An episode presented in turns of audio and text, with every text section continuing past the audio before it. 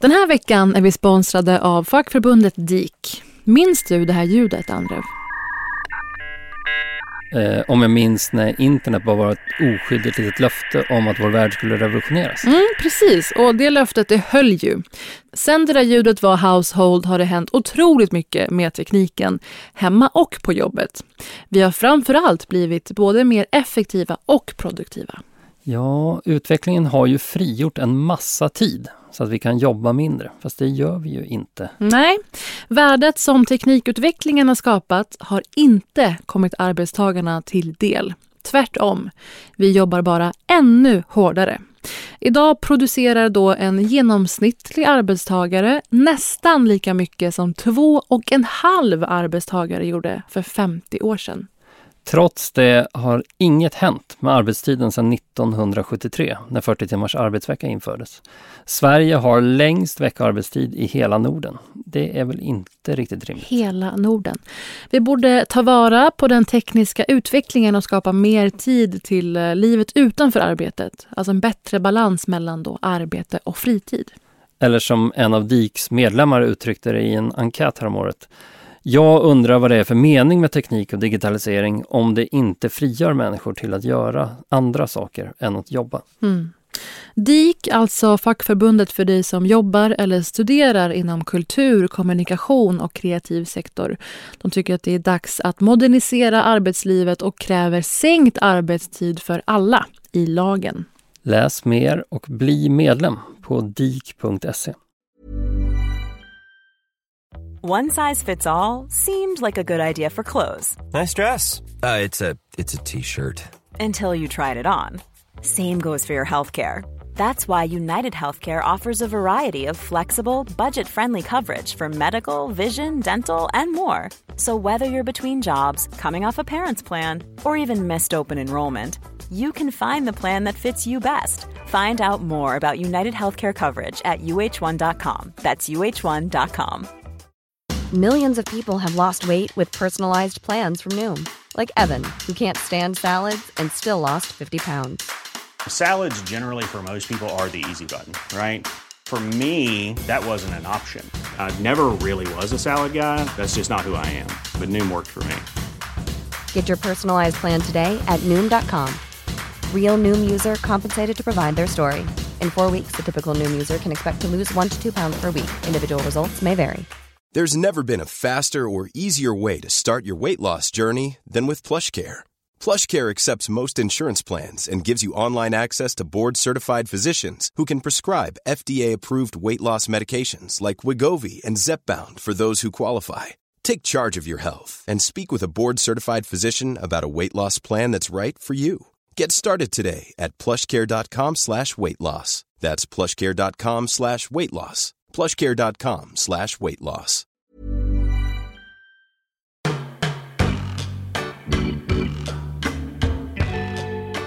Idag när vi spelar in så är det ju alla hjärtans dag. Jag har ju haft den stora oturen att eh, gå med en Twilfit-påse på stan idag. Ja, Mm. Vet du vad det innebär? jag är trögtänkt. Dokumenterat trögtänkt, men där kopplade jag. Att jag valde idag att bära en påse från en underklädesbutik och inte förstod att det kommer innebära blickar, sneda leenden. Som att jag går runt med en skylt i pannan. Ja, det var lite generande. Mm. Vad står det på skylten då? Ikväll ska vi inte titta på TV. Jo, det kommer vi nog göra. Sen. Förstår du hur många kön som vibrerar i världen idag? Nu är vi där igen. Varför är det mitt största mål att göra dig generad varje vecka? Ja, du lyckas ju. Mm. Vad är det du vill ha sagt? Men för varje vibrerande kön så finns det ju också ett bävande kön. Det Av- här är din båt, du får ro den i hamn. Det här är underbart. Alltså av förväntningarna och pressen. Ja, jag har nog växt ifrån Mm. förväntningar och press. Vad innebär alla hjärtans dag i ert eh, hushåll? Det innebär ju presenter, men vi har ju haft en liten debatt hemma kring om barn ska ha alla hjärtans dag-present. Mm. Min sambo är av åsikten att barn ska ha alla hjärtans dag-present. Mhm. Eh, men det är ju för att hon tycker så otroligt mycket om att ge bort presenter. Mm. Jag tycker inte att barn ska ha alla hjärtans dag-present. Jag tycker att det är opassande. Alltså att det nästan är lite pederast på något sätt. att ge present till barn. På alla hjärtans dag just. Men en pres- present, är det en nallebjörn? Vad kan det vara till just barn? Det är det här som är det svåra, att våra barn vill ju inte ha några Mm. presenter från den riktiga världen längre. Mm. De vill inte ha analoga presenter. Utan de vill ju ha spel och skins inne i spel. Är du Ah. bekant med det här universumet? Tyvärr, ja. Jag spelar ju en del. Men tragiskt ändå. Ja, det är lite tråkigt att ge bort sånt. För då Ja. ger man liksom bort ett löfte om att de får köpa ett skin till kvällen. Mm. det är Varför inte inte samma bara... sak som att ge en nalle. Men på tal om att vilja ge bort presenter. Det här hänger ihop med kärleksspråk. Ja, jag antar att du är på väg någonstans Mm. fortfarande. Kärleksspråken, det etablerades ju samtidigt som anknytningsteorier kommit ganska mycket kring det här. Förstå sin partner genom att förstå sig själv mer. Och jag kan tänka mig att din, ditt kärleksspråk är nog tid tillsammans och tjänster. Ja, Tömmer soppåsen. det gör jag alltid ändå. Mm. Det är jag som sköter markservicen så att Mm. säga. Nej, det handlar nog mer om att, ja, men jag gick upp extra tidigt idag Ja. och bakade ett bröd som jag satte kring midnatt igår. Ja. Eh, vilket man är helt normalt att göra på helgerna men på en veckodag så tycker jag att det är det lilla extra. Mm. Men det är möjligt att ribban är för låg. Men tid tillsammans och tjänster, det tycker jag att då prickar in dig i. Ja, men att man då väcker hela familjen lite Mm. tidigare också. För att man, eh, man ska ha lite tid tillsammans. Väldigt På mysigt. morgonen, det har man ju normalt inte på morgonen Mm. när man har skolbarn. Jag har ju tyvärr alla fem kärleksspråk. Ja, okej, Mm. utveckla. Men som tur är så har jag en man som eh, inte har några problem med att jag älskar honom. Så det är toppen. Va, va, vad är de fem kärleksspråken? Fysisk beröring, gåvor, tid, tjänster, bekräftande ord. Ja. Ja. Men det känns också som att du gillar dyra presenter. Och på tal om då kärlekshögtiden, alla hjärtans dag och liknande så såg jag, jag blev nästan tagen av en meet cute som uppstod i veckan inför öppen ridå. Där nästan alla fem kärleksspråk visades upp. En meet cute. Meet cute, det är när två liksom blir kära, de nästan, det uppstår flörtig busig skärm omedelbart nästan. Och det är uppenbart för alla i rummet. Jaha, lite som när Lotta Lundgren och Erik Haag gjorde Historieätarna. Ja, ett antal säsonger var det i det här fallet. Eller i det fallet. I Man mitt fall. ser att kemi finnes. Ja. Jag rodnade nästan av att vara en voyeur som såg på när den här kärleken uppstod. Man bara ville slänga sig i varandras famnar. Jag pratar förstås om eh, Tucker Carlson och Putin. Are we going to have a serious talk or a show? Behöver vi förklara vem Tucker Carlson är? Han är ju en sorts journalist, om man vill vara generös, Mm. som arbetade för Fox News, men var väl lite för problematisk för Fox News. Så nu driver han, lite uppaggad av Elon Musk, va? sin egen show via Twitter. Va? Vem ska vi jämföra med i Sverige då som anser att eh, de egna metoderna i media är mycket bättre på något sätt? Då måste man ju hitta någon som, liksom Tucker Carlson, har slagit mynt Mm. av någon sorts yttrandefrihetsabsolutism. Mm. Ja, de gömmer sig ofta bakom den manteln Mm. i alla fall. Egentligen är det bara marknadskrafter i rörelse. Allt måste kunna diskuteras. Man måste kunna prata med alla. Ja, det här är ofta bara människor som har hittat en nisch där det går att tjäna pengar. Mm. Ja, men som kanske Navid Modiri i Sverige. Ja, han hade ju till och med en podd på det temat. Jag har ju också pekat ut statsvetaren Stig Björn Ljunggren Oj. som eh, lite nyttig idiot åt Putin. Okej. Men det är möjligen lite orättvist för han blev lite inlurad i det där. Han var ju med i Russia Today för några år sedan. Alltså den här ryska RT. propagandakanalen, Mm. RT. De gjorde ett inslag om Sverige som någon sorts katastrofzon där kvinnor inte kan gå ut utan att bli våldtagna av muslimer. Mm. Och eh, då ringde de upp Stig-Björn Ljunggren som ställde upp på en intervju Mm. och sa väl lite halka, sliriga grejer. Och sen blev jag ju dessutom då, eh, förklarade han för mig sen, ganska hårt klippt Ja. eh, i det där. Mm. Men det är ju mer, det är mera slarv. Han är inte ute efter nischen så att säga. Där Nej. har vi väl mer Navid Modiri eller kanske Lamotten. Hot Lamotte, enligt sig själv. Eh, jo, eh, men Ljunggren, jag älskar ju begreppet nyttig idiot. Vilket ju passar enormt bra här. För redan innan eh, intervjun, när han bara gick ut med att han har gjort den här, alltså västvärldens första intervju med Putin, ehm, så blev det tydligt att kritiken haglade ju. Han kommer aldrig kunna förvalta det här. Ställa kritiska frågor, följa upp faktapåståenden. Han kommer aldrig kunna härbärgera tillfället, tyckte folk. Nej, och de var väl rätt ute i den farhågan. Du har sett lite. Jag har sett lite. Tucker Carlson är ju inte en intelligent människa. Han blir också... Han är Han blir så- inte heller påläst. Han blir så lekt med av Putin också. Och sen så sportar han ju den här olyckliga spraytan, blekta tänder kombinationen som, jag vet inte, det är någon inom Fox News som profiterar enormt på de här två tjänsterna. Det blir som att slå på ett avsnitt av eh, Bianca Ingrossos talkshow. Varannan gäst ser ut som Tucker Carlson i den här intervjun. Och det blir ju en ganska stark kontrast då mot antagligen sjukligt eh, sjuka och eh, bleka Putin. Om det här är ett datingprogram, Tucker och Putin-intervjun, då framstår ju Putin som en otroligt charmig, härlig... Alltså det hade kunnat bli något. Du såg kemi. Vad heter de här programmen? Jag kan ju inga såna. Gift vid första ögonkastet. Ja, eller första dejten. Då hade ju Putin gjort enormt bra ifrån sig. Han drar fram skärmen i den här intervjun.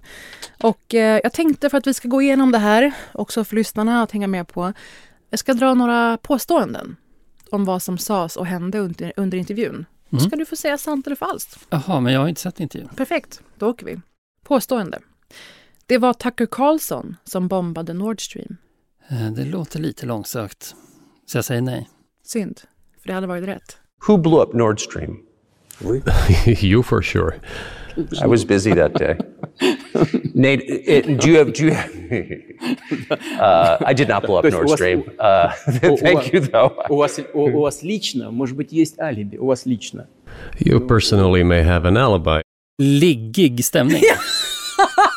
Jag säger det, jag tycker det är otroligt charmigt. Eh, det vibrerar i byxor åt alla håll. Men hade du sagt thank you om någon sa att du hade smält Nord Stream?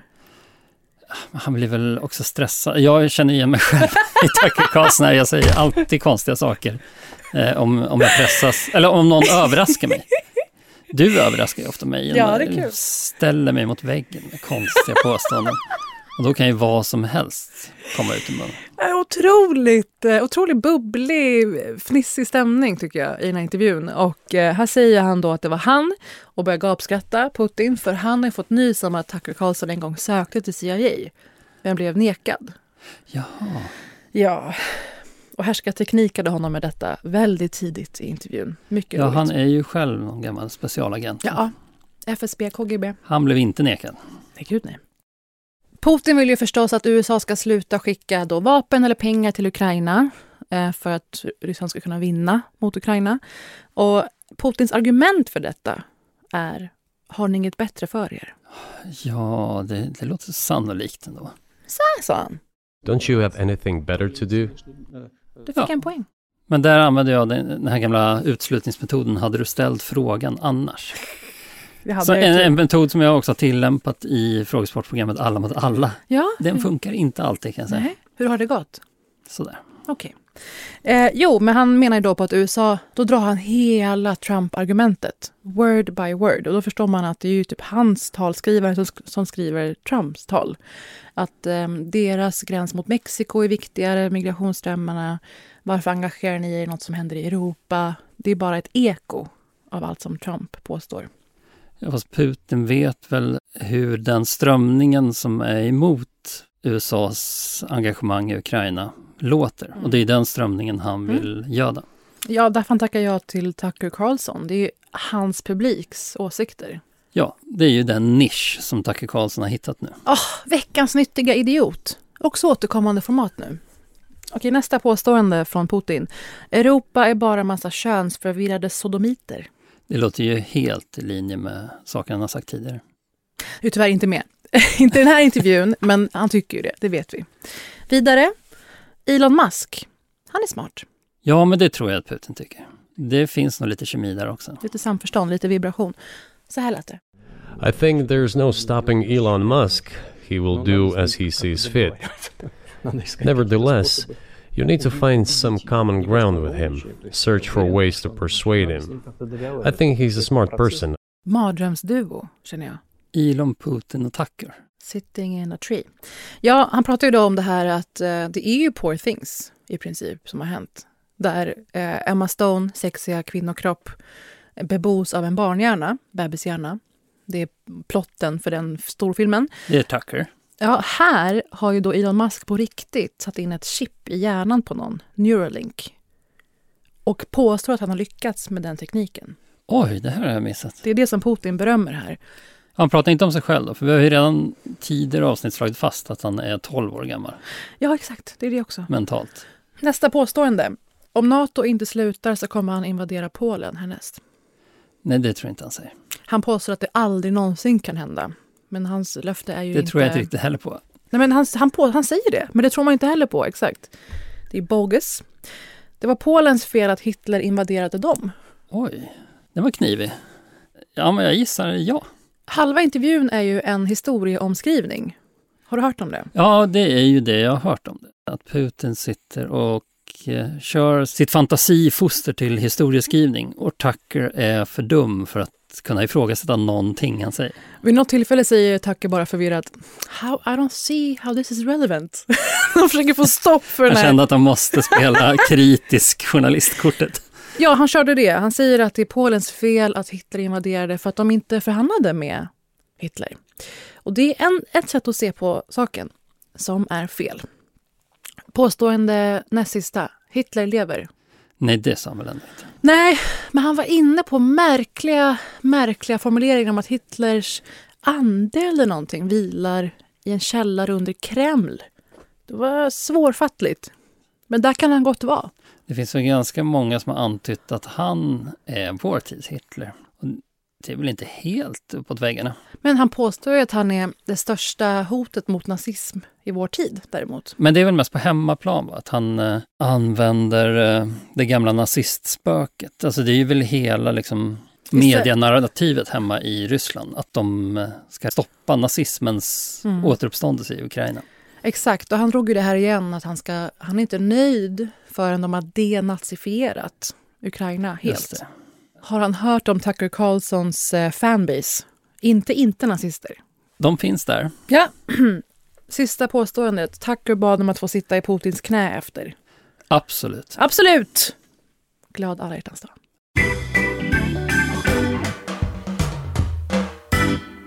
Såg du den här nyheten om att en SD-politiker har fått lämna politiken? Mm. Eh, Det här brukade ju vara stora nyheter. Och vi som sorterar oss själva till SD-motståndet brukade ju väl både förfasa oss och gotta oss i det. Mm. Tills vi insåg att de bara skapade nya allianser som förstärkte den basen. Alternativ för Sverige. Ja, men det var väl under några år en helt egen humorgenre på Twitter. Att bara vältra sig i dessa ostraserade SD-politikers försök att förklara vad som egentligen hade hänt. Kommer du ihåg det? Ja, jag har några kanske jag minns. Som att det var en hund som hade twittrat, blev hackad. Ja, de hade ju alltid en sån otrolig otur. Ambitiösa twittrare kunde ju riffa på det här i 48 timmar Ja. när, varje gång en SD-politiker hade trampat i klaveret. Mm. Det var kapade konton och laptops som hade lämnats obevakade på kaféer och Mm. allsköns missförstånd. Det här pågår ju fortfarande. Vi har ju bara tappat intresset för det. Jag antar Mm. att det handlar om någon sorts avtrubbning. Jag tror att vi har tappat tron på att det gör någon skillnad. Ja, vi märkt väl att det inte gjorde någon skillnad. Mm. Om skillnad, om något förstärkte Ja, det deras tycks sympatier. inte skrämma bort väljare. Nej, tvärtom. Vilket är lite kusligt. Ja. Men det var ju en kul genre Mm. när det begav sig. Och eftersom SD-politiker med jämna mellanrum fortfarande trampar i klaveret så tänkte jag att vi ska kolla lite på veckans fall då och se om det fortfarande är roligt. Okej. Den här veckan har det då hänt att en SD-politiker i Vänersborg Mm. Har fått lämna alla sina uppdrag efter en besvärande artikel i lokaltidningen Tettela. Eh, Jag tror att det är för detta Trollhättans tidning som har fått ett väldigt märkligt namn. Mm. Och jag tycker att vi ska låta SD-politikern vara anonym nu när han faktiskt har lämnat eh, sitt förtroendeuppdrag. Men vi kan väl kalla honom Jimmy. Det kan vi. Mest för att han faktiskt heter Jimmy. Mm. Och jag tycker att namnet klär honom. Mm. Vi låter honom vara halvanonym. Det besvärande avslöjandet kring den här SD-politikern, Jimmy i Vänersborg, är då att han har två problematiska tatueringar. Den ena tatueringen en runa som kallas vägvisaren. Eller vägvisare, det är något isländskt tror jag. Och det här är ju en symbol som brukar bäras av högerextremister. Mhm. Som tror att den är fornnordisk, fast den i själva verket är från 1800-talet, men det är en annan historia. Eh, tatueringen vägvisaren är problematisk eftersom den brukar bäras av högerextremister. Mm. Men inte 100% problematisk, för den kan väl också bäras av helt vanliga eh, shamaner antar jag. Runfantaster. Ja, alltså kristallmän. Ja, de finns. Män som gillar att vara nakna i skogen. Mm. Eller åtminstone barfota. Mm, hela sommarhalvåret. rökbildning, rökpelare tänker jag finns med. Män som gillar norrsken och kaffeost och yoga. Och LSD. Och att ha sex väldigt länge. Ja, Nu ser vi båda obekväma I ut. overstepped it. ja, jag, jag, jag kan föreställa mig att Roger Pontare mycket väl kan ha tatueringen vägvisaren tatuerad någonstans på kroppen. Och han är ju verkligen inte högerextremist. Ja. Sen vill inte jag höra något mer om Roger, Roger Ponta i den här kontexten. Med tantriskt. Nej, vi lämnar honom för alltid. Eh, så jag är rätt säker på att Jimmy i Vänersborg inte hade fått lämna sina politiska uppdrag om det bara hade rört sig om tatueringen vägvisaren. Mm. Det handlar mer om kombinationen då. Och det är nu det blir problematiskt. Han hade också ett namn tatuerat i nacken Mm. med runor. Aha. Fem runor. Obegripliga för oss runamatörer förstås. Men tidningen Tettela hade väl då kollat upp vad det egentligen stod i nacken på Mm. Jimmy. Om det fortsätter så här som det gör med eh, SDs framfart, då måste varje redaktion ha en runtolkare. Eh, Som nya viralgranskaren, runtolkaren. Kan du gissa vilket namn det var han hade skrivit i nacken? Fem Adolf. bokstäver. Du gissar Adolf. Mm. Det var Adolf. Du skojar! Du skojar! Ah! Jag älskar att gissa på saker. Där såg vi den här På spåret energin tändas i dig. Legat och vilat i fyra år. Mörka På spåret. Åh, gud, jag blir svettig. Ja, trevligt. Eh, Jimmy hävdar då själv att han inte visste att det står Adolf i hans nacke. Han säger citat, jag gillar vikingamotiv och vikingamönster. Det har ingenting med nazism att göra. Och man får väl anta att han då menar att det aldrig var hans avsikt att det skulle stå just Adolf i nacken. Jag har inte hört ett ord om det här.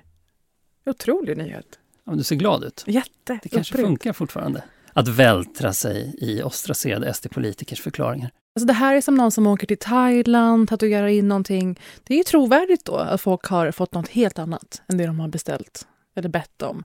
Det är det han har råkat ut för. Vi återkommer till vilka möjligheter det finns. Mm. Men jag tänker att alltså, om det fanns en förklaring i stil med att han har en son som heter Adolf. Ja. Att han då liksom Zlatan Ibrahimovic har tatuerat in sonens namn. Då hade han väl sagt det, att jag har en Mm. son som heter Adolf. Det hade varit hans enda utväg egentligen. Men han tycks då driva linjen att han liksom bara har plockat fem snygga runor och haft otur med vilket ord de bildar.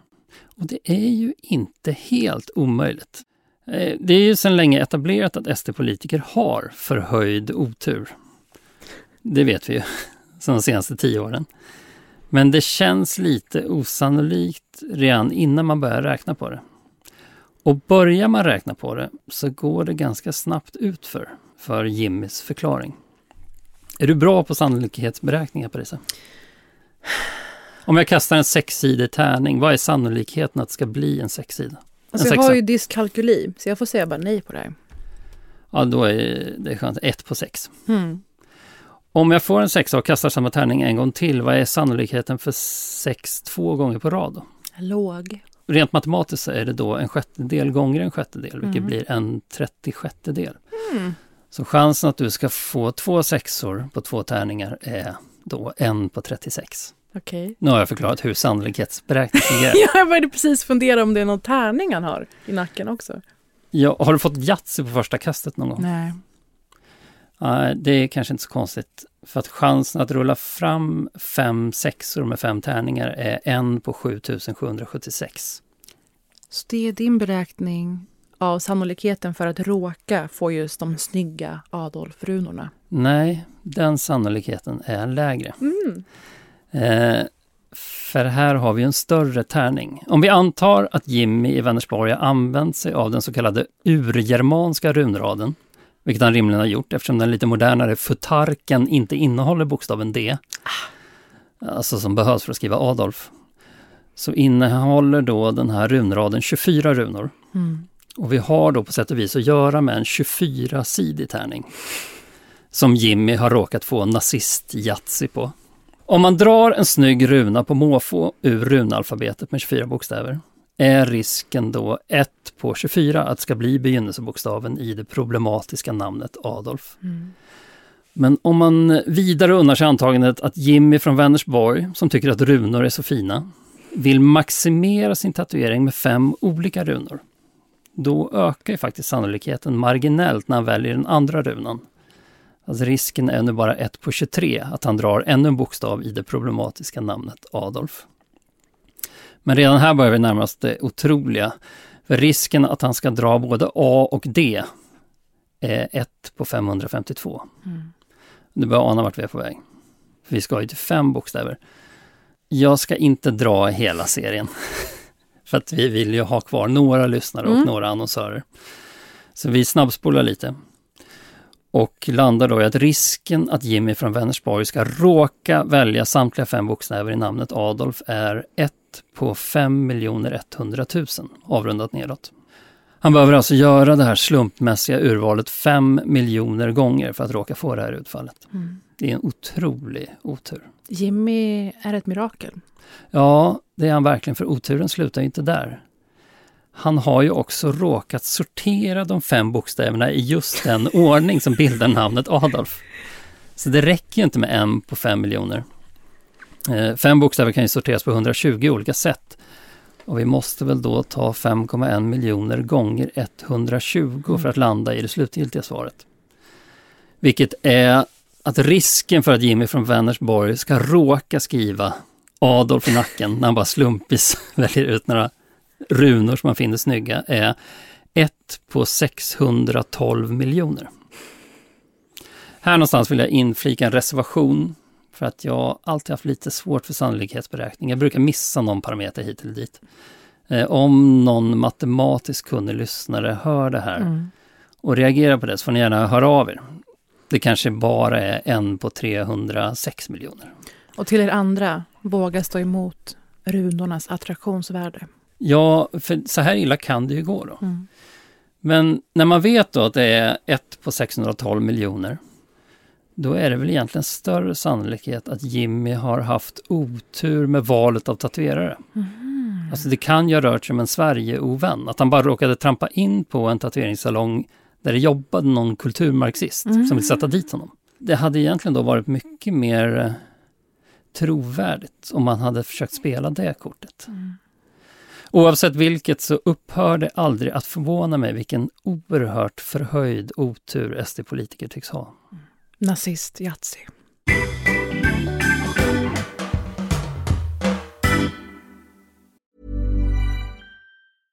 Hey, I'm Ryan Reynolds. At Mint Mobile, we like to do the opposite of what Big Wireless does. They charge you a lot, we charge you a little. So naturally, when they announced they'd be raising their prices due to inflation, we decided to deflate our prices due to not hating you. That's right. We're cutting the price of Mint Unlimited from $30 a month to just $15 a month. Give it a try at mintmobile.com slash switch. $45 upfront for three months plus taxes and fees. Promo rate for new customers for limited time. Unlimited more than 40 gigabytes per month. Slows. Full terms at mintmobile.com.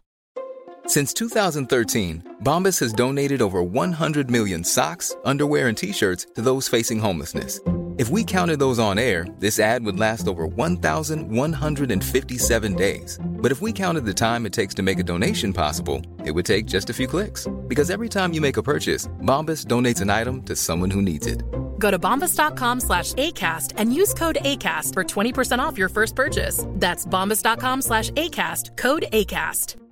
Burrow's furniture is built for the way you live.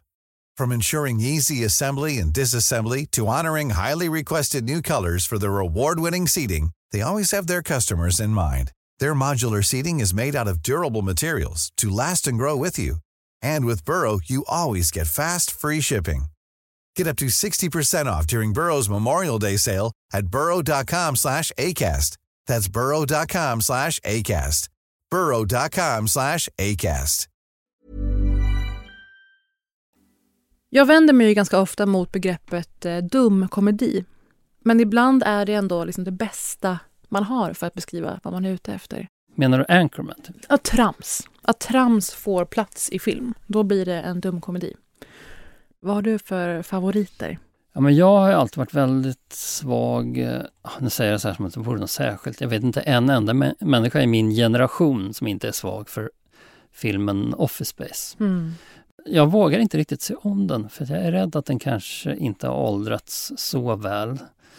Men jag minns det som något av det roligaste jag någonsin har sett. Ja, och den är inte heller stendum. Den är ändå, har en viss finess tycker jag. Ja, gud ja. Mm. Som jag minns det i alla fall. Bäst att inte se efter. Men eh, Step Brothers, Will Ferrell. Eh, jag är Reilly. sällan främmande för något dumt med Will Ferrell. Nej, det är man ju inte. Men då finns det nog en film som du kan ha missat trots att han är eh, en del av den filmen. Jag älskar ju det vissa kallar för dumkomedi för att jag anser att det, ja, inte är det. Från då Bridesmaids till, eh, nu nämnde vi ju den, Step Brothers, min bästa film. Bridesmaids räknas väl till eh, smart komedi? Så fort det är att fem kvinnor skiter ner sig i en bröllopsbutik så tror jag att det ändå finns Okej, det är lite dumt. tillräcklig nivå av trams, vilket är underbart. Och jag har tänkt så mycket på den här filmen sen jag såg den och hur jag ska se till att det blir en av Sveriges mest sedda titlar. Och det är en film som em, går lite in på det du nämnde nyss, att du är en del av Alla mot alla i år. Just det. Och att jag har gjort min runda på ett alltså, helt annorlunda frågesportsprogram som heter På spåret. Just det. Ja. Och det handlar då om filmen Quiz Lady. Aldrig hört talas om. Otroligt! Jag tänker spontant att det då rör sig om en komedi i frågesportsuniversum. Exakt. Vi har å ena sidan då en socialt oduglig 30-någonting kvinna spelad av Aquafina som är en väldigt rolig skådespelare och komiker. Hon har varit med i Crazy Rich Asians, Ocean 8 och eh, släppt rapmusik också. Otrolig, eh, alltså oemotståndlig person. Hon är då här någon slags eh, sinnebild av någon som lever ett inrutat, duktigt liv, har ett nöje. Hon har aldrig missat ett frågesportsprogram som går varje kväll. Lett av ingen mindre än den underbara Will Ferrell. Jaha, som då är någon sorts eh, Jeopardy-programledarfigur. Han heter i filmen McTeer och eh, han har en catchphrase, McTeer is here. Rimligt. Alltså det är väldigt folkligt helylle. Han hade ju massa SNL-sketcher där han också var en sån frågesportsprogramledare. Ja, så han kliver in i en roll som han mer eller mindre har gjort. Ja, men lite kanske, men här är han bara genomgod, underbar och hon idoliserar honom något enormt. Så det här är alltså enda följeslagaren i hennes i övrigt ganska ensamma liv. Verkar ha haft det ganska tufft under uppväxt, uppväxten. Och hennes stora syster då spelad av Sandra Oh, som för många är känd från Grey's Anatomy, men för mig kanske mer Killing Eve. Väldigt bra serie. Henne känner jag till. Hon är då stora systern som kliver in i hennes liv och försöker riva upp allting. Hon är the disruptor. Hon är Klarna på bankmarknaden. Kommer in och vänder upp och ner på allting. Ja, eh, hon ska få upp henne ur tv-soffan. Hon är kaosagent, för hon upptäcker att hennes syster har dels någon slags savantförmåga, dels fotografiskt minne. Hon råkar skapa ett viralt klipp där då systern eh, bara sitter och hamrar ur svar framför frågesports-tvn. Och det här gör att hon då får en plats på programmet. Trovärdigt.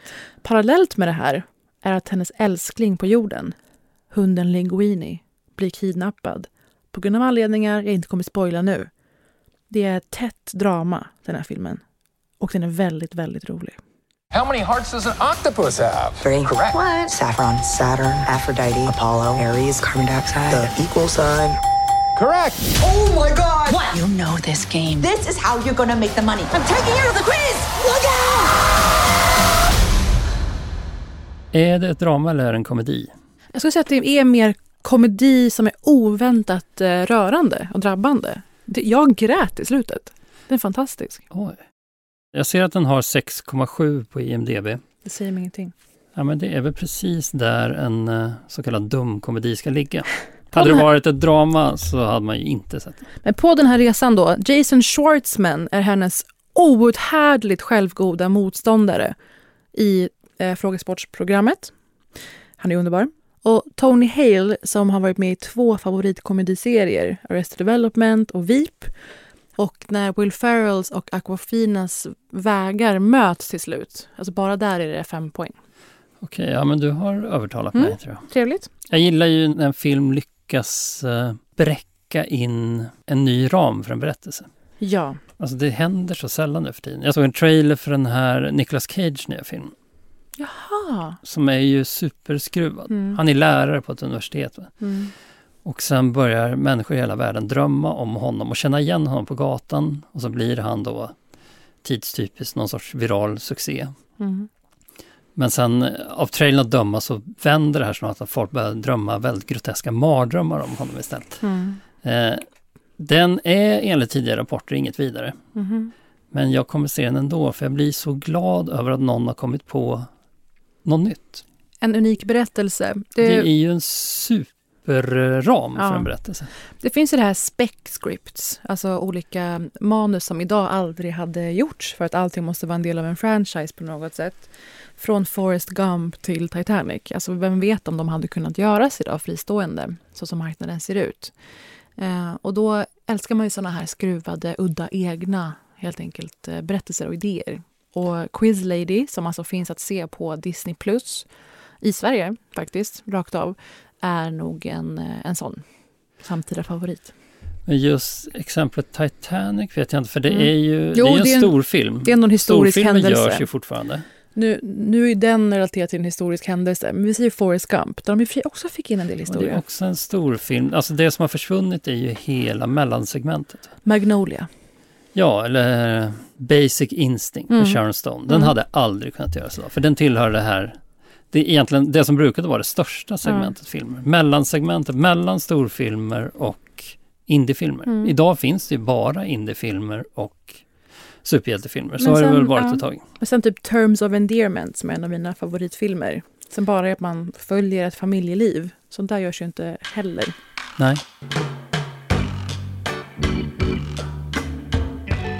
En annan film jag sett i veckan och som ju är Oscars-nominerad och intressant av många, många skäl.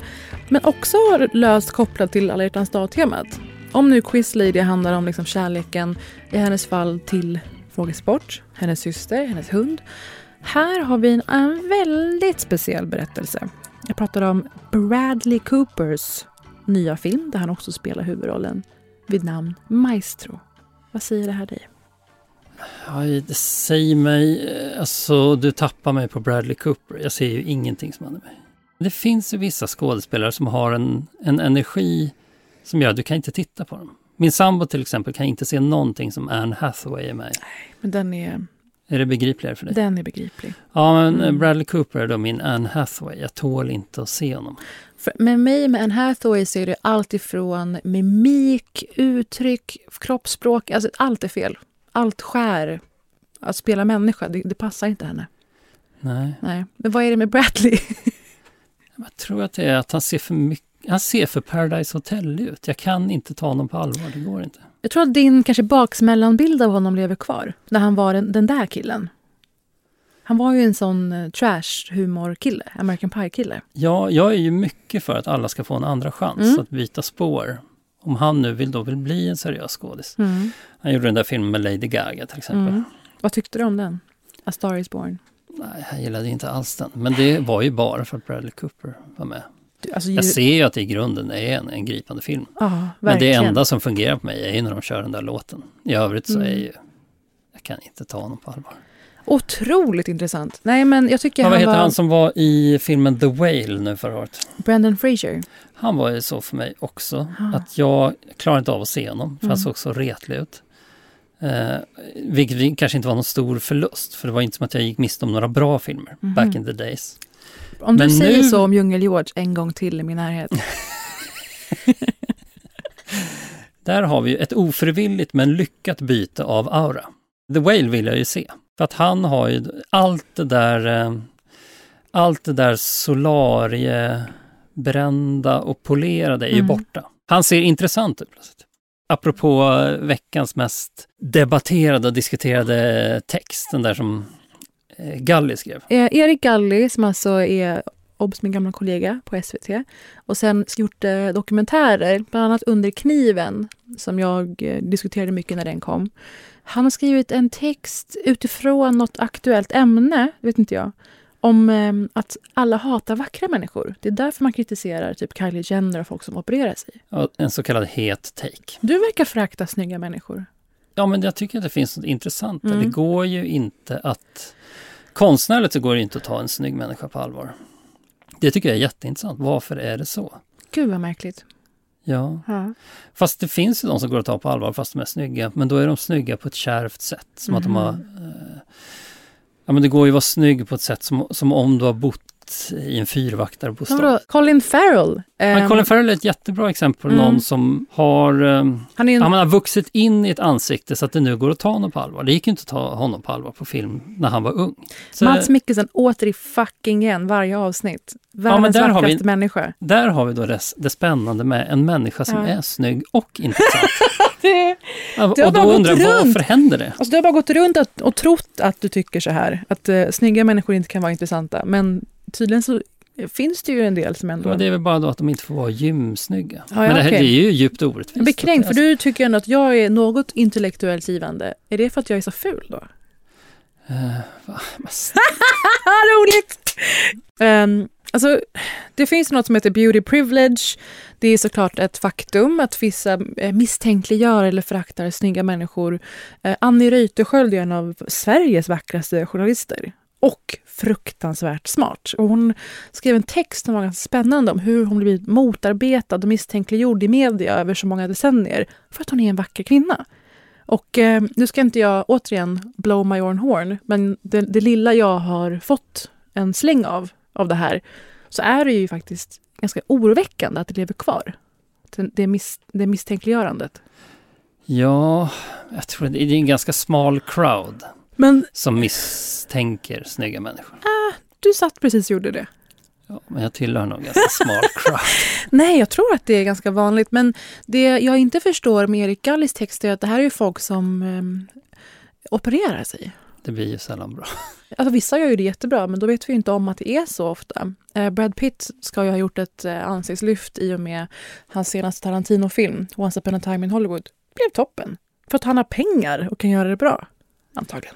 Ja, men vi har ju pratat om det här i något tidigare avsnitt. Om Mm. skådespelare som är för snygga för att vara bra.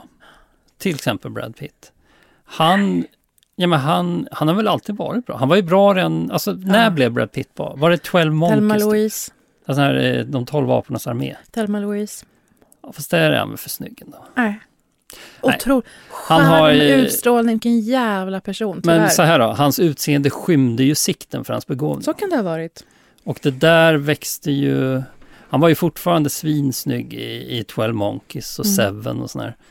Men det var väl i höjd med The Assassination of Jesse James by the Coward Robert Ford, hette den så? Men alltså, jag har alltid varit ett fan, måste jag säga. Alltså Jack Black, på tal om nischfilmer, hade heller aldrig gjorts idag. Ja, men den är ju helt oserbar. Den är han underbar. är- har den här polerade Paradise Hotel-looken. Han är så snygg.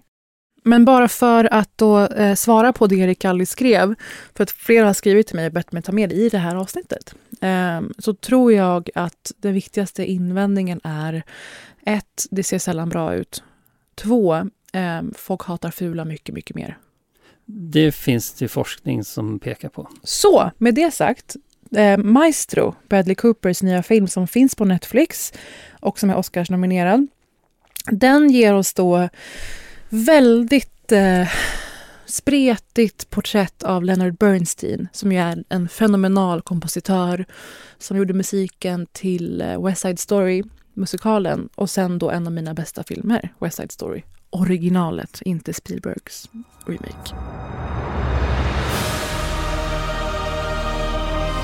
I love people so much that it, it's hard for me to be alone. And music, it keeps me glued to life. don't even know how much you need me to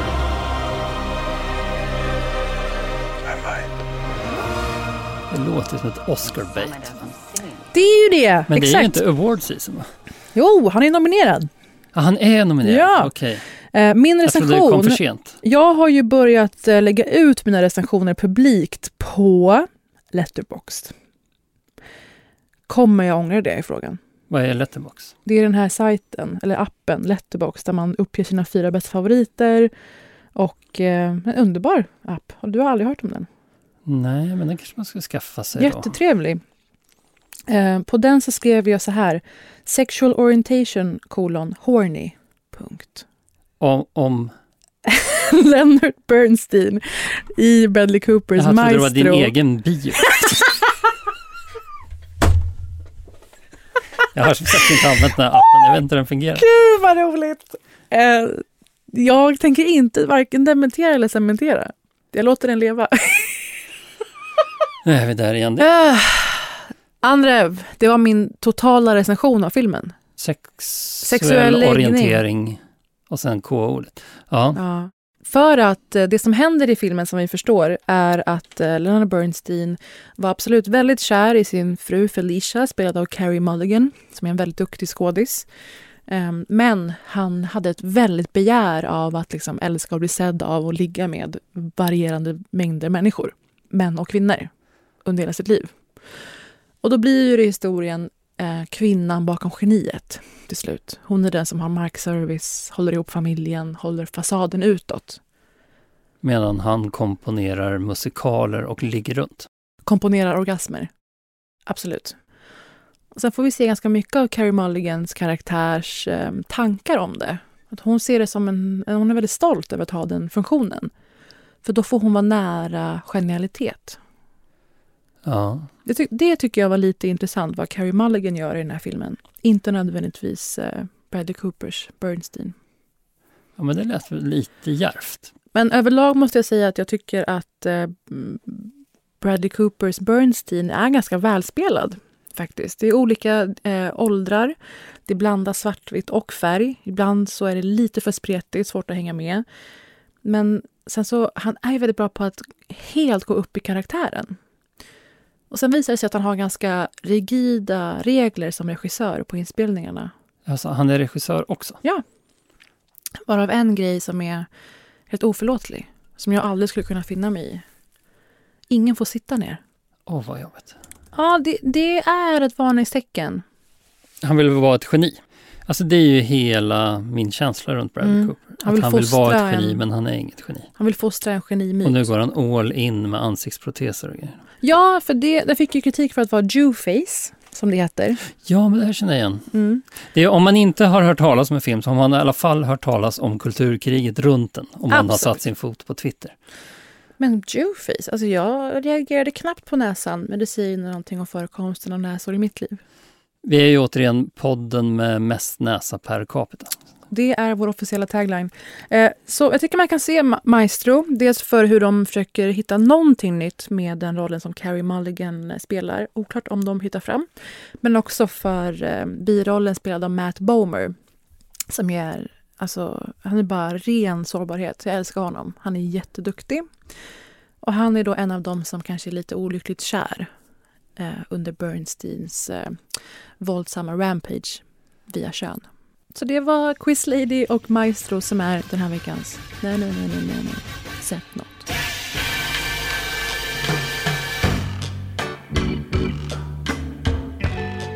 Såg du På spåret-finalen? Man kan utgå från att jag aldrig ser På spåret. Nej, just du är för traumatiserad. Ja, men älskar det på distans. Ja. Mm. Eh, nej, men i På spåret-finalen så spelades det en... Eh, en av musikfrågorna var en Bond-låt. Mm. Eh, Skyfall tror jag var. Framförd mm. av Miriam Bryant och Infinite Mass. Och det brukar vara Adele? Nej? Det brukar vara Adele. Ja. Jag svarade Adele. Mm. Ja men det slog mig när jag hörde den här att det är antitesen till all musik jag tycker om här i världen. Mm. Alltså om det finns en antigenre mm. till vad jag tycker om så är det Bond-låtar. Bond-introlåtarna? Jag har aldrig hört en bra Bond-låt. Okej, vad är det du hatar med dem? Är det det bombastiska? Är det, vad är det du ogillar? Ja, det är bara, det finns, det finns en, eh, en helt eh, det finns en särpräglad slätstrukenhet i Bondmusik som som jag liksom aldrig har hört någon annanstans förutom möjligen i en hiss. Det finns några som är ändå lite pampiga. Från way back when, när de inte bara skrevs för filmen utan liksom komponerades och sen så fick någon producent nys om dem på ett annat sätt. Men nu är de gjorda för kommersiell succé.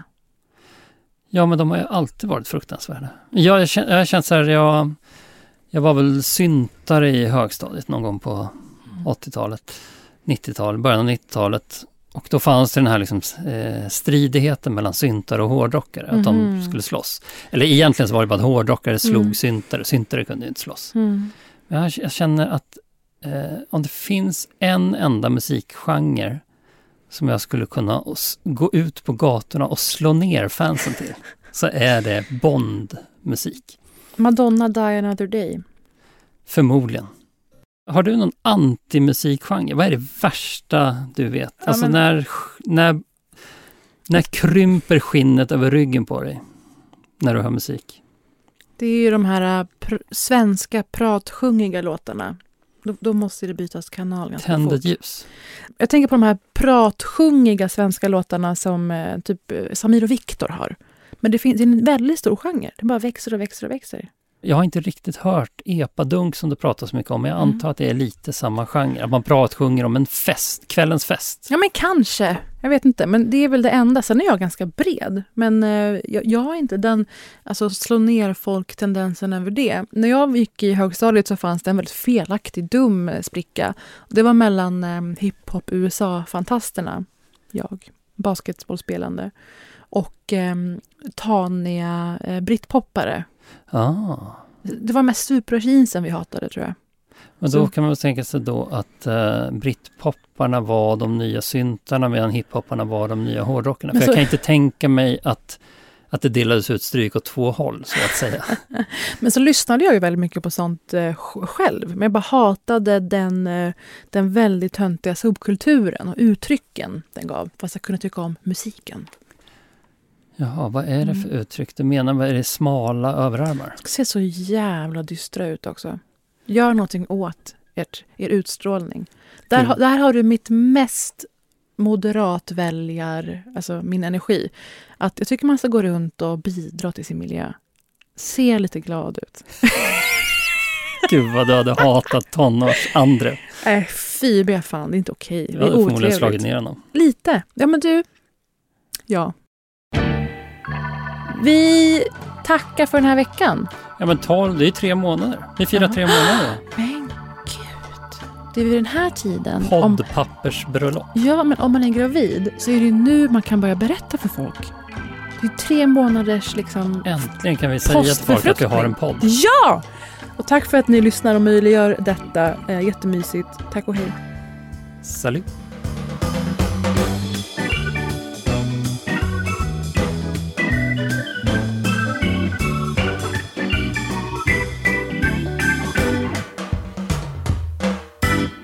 Helvetet med Walden och Parisa görs med Munk Studios.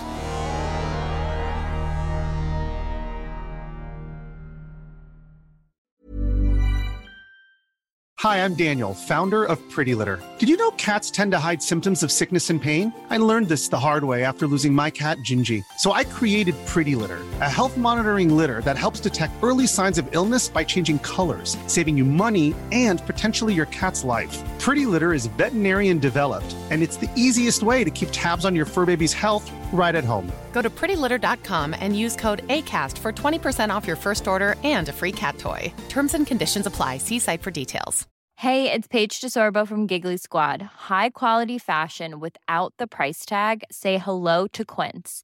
I'm snagging high-end essentials like cozy cashmere sweaters, sleek leather jackets, fine jewelry, and so much more. With Quince being 50 to 80% less than similar brands. And they partner with factories that prioritize safe, ethical, and responsible manufacturing. I love that. Luxury quality within reach. Go to quince.com slash style to get free shipping and 365 day returns on your next order. Quince.com slash style. Imagine the softest sheets you've ever felt. Now imagine them getting even softer over time. That's what you'll feel with Bowl and Branch's organic cotton sheets. In a recent customer survey, 96% replied that Bowl and Branch sheets get softer with every wash. Start getting your best night's sleep in these sheets that get softer and softer for years to come. Try their sheets with a 30-night guarantee. Plus, get 15% off your first order at bowlandbranch.com. Code BUTTERY. Exclusions apply. See site for details.